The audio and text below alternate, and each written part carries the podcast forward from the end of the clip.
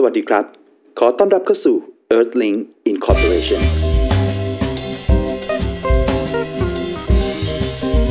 Welcome to the Earthlink Incorporation สวัสดีครับ ขอต้อนรับเข้าสู่รายการ Earthlink Cast รายการของเราเป็นรายการที่สร้างขึ้นมา เพื่อผู้ชมผู้ฟังที่ชื่นชอบการสร้าง ไม่ว่าจะเป็นเรื่องของบ้าน ห้องหอ มหรสพ โรงละคร ไปตลอดจนถึงสิ่งก่อสร้างทางดิจิทัล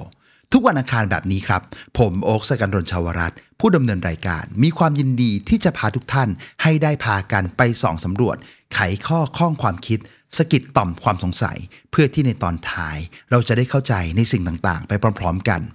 รายการของเราสามารถรับฟังได้ง่าย ๆ มีทั้งใน Facebook YouTube YouTube Music Spotify Podcast และ Apple Podcast เพียงคลิกที่ลิงก์ที่อยู่ในคำบรรยาย เลือกแพลตฟอร์มที่ทุกคนชื่นชอบ กด sub หรือ Follow เรา ง่ายๆเพียงเท่านี้ ทุกคนก็จะไม่พลาดเรื่องราวดีๆ เกี่ยวกับการได้เป็นส่วนหนึ่งของโครงสร้างที่สวยงามไปกับเรา ในยุคดิจิทัล นิทรรศการได้ก้าวข้ามขอบเขตทางกายภาพนำเสนอประสบการณ์ที่ดื่มด่ำดึงดูดผู้ชมทั่วโลกดิจิทัลอีเวนท์ที่ประสบความสำเร็จ ผสมผสานเทคโนโลยีเพื่อตอบต่อโจทย์ วัตถุประสงค์ สร้างสรรค์และประสบการณ์ ดิจิทัลอีเวนท์ที่ประสบความสำเร็จ ผสมผสานเทคโนโลยี เพื่อตอบต่อโจทย์วัตถุประสงค์ สร้างสรรค์ประสบการณ์ที่ลื่นไหล เหมาะสมกับการให้ข้อมูล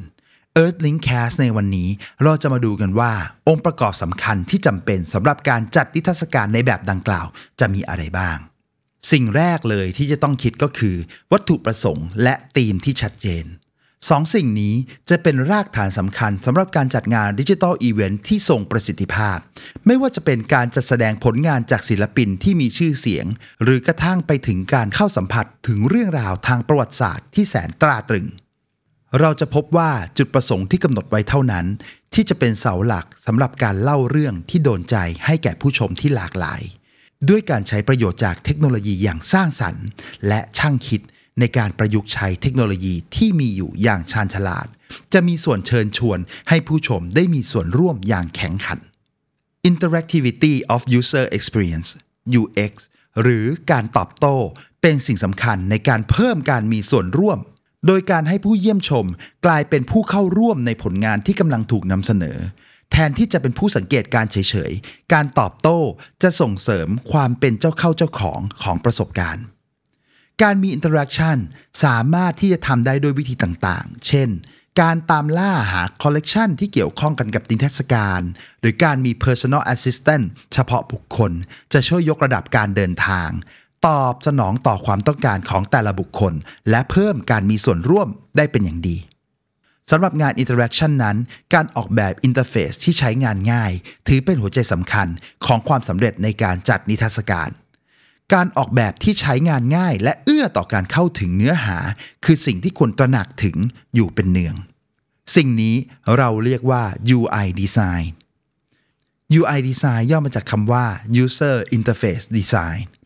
UI ที่ราบรื่นจะช่วยให้ผู้เยี่ยมชมจากทุกสารทิศสามารถสำรวจกิจกรรมดิจิทัลอีเวนต์ได้อย่างง่ายดาย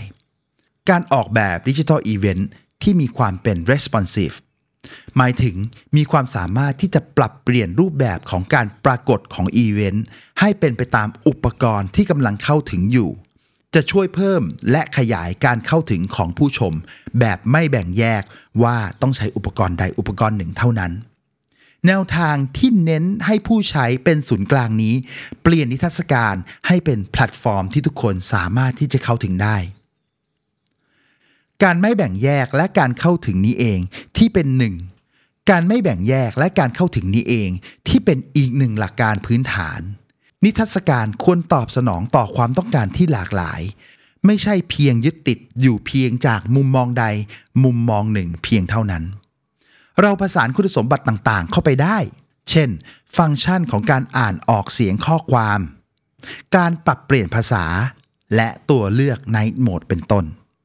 ด้วยการส่งเสริมสภาพแวดล้อมที่ไม่แบ่งแยกนี้ นิทรรศการดิจิทัลจะสามารถที่จะเฉิดฉายภายใต้ความหลากหลาย ส่งเสริมการเข้าถึงข้อมูล และแสดงออกถึงความเข้าใจในวัฒนธรรมที่มีความหลากหลายอย่างเท่าเทียม เพราะการให้ข้อเท็จจริง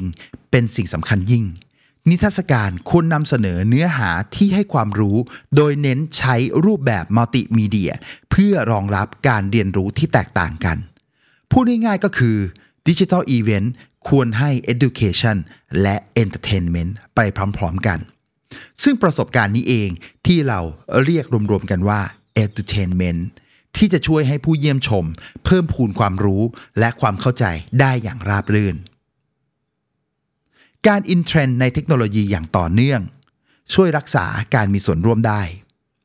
การอัปเดต UI และ UX อยู่เป็นประจำ จะรักษาความสนใจไว้ได้ตลอดเวลา สิ่งนี้จะทำให้มั่นใจได้ว่า นิทรรศการดิจิทัล จะยังคงมีความทันสมัยและน่าดึงดูด สิ่งนี้จะทำให้ผู้ชมกลับมาเยี่ยมชมและให้ความสนใจอย่างยั่งยืน ความปลอดภัยของข้อมูลและความเป็นส่วนตัวถือเป็นข้อพิจารณาที่สำคัญ มาตรการที่เข้มงวดช่วยป้องกันข้อมูลของผู้เข้าร่วมอีเวนต์ที่มีความละเอียดอ่อน ส่งเสริมความไว้ใจและเพิ่มความเชื่อมั่นของผู้ใช้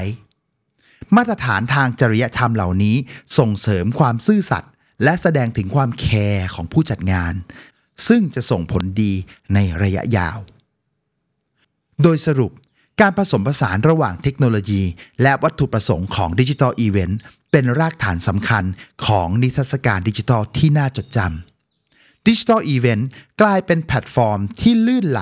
เหมาะสำหรับการสำรวจและการมีส่วนร่วมผ่านการตอบโต้ การออกแบบที่เป็นมิตรต่อผู้ใช้ การไม่แบ่งแยก การศึกษา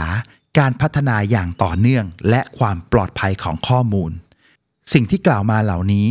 ล้วนแต่ร่วมกันสร้าง ผลักให้นิทรรศการได้ปลดปล่อยศักยภาพอันมหาศาลที่มี ให้ได้กลายเป็นการสร้างแรงบันดาลใจ ให้ความรู้ และสร้างความประทับใจต่อผู้เข้าชม ได้อย่างมิรู้ลืมสำหรับวันนี้รายการ Earth Link Cast ผมโอ๊คสกันดนชวรัตต้องขอตัวลาไปก่อน หากท่านใดมีข้อสงสัย หรืออยากให้เราเล่าเรื่องอะไร สามารถส่งข้อความมาได้ตามช่องทางที่มีเลยครับ ก่อนจากกันฝากประชาสัมพันธ์ว่า เพราะทุกกำลังใจของท่าน คือพลังในการเคลื่อนไปของเรา ฝากกดแชร์ กดลิงก์และกด subscribe และที่สำคัญที่สุด ฝากบอกเล่าเรื่องราวของเราต่อๆกันไปด้วยนะครับ วันนี้ผมขอตัวลาทุกท่านไปก่อน แล้วพบกันใหม่ในสัปดาห์หน้าสำหรับวันนี้ สวัสดีครับ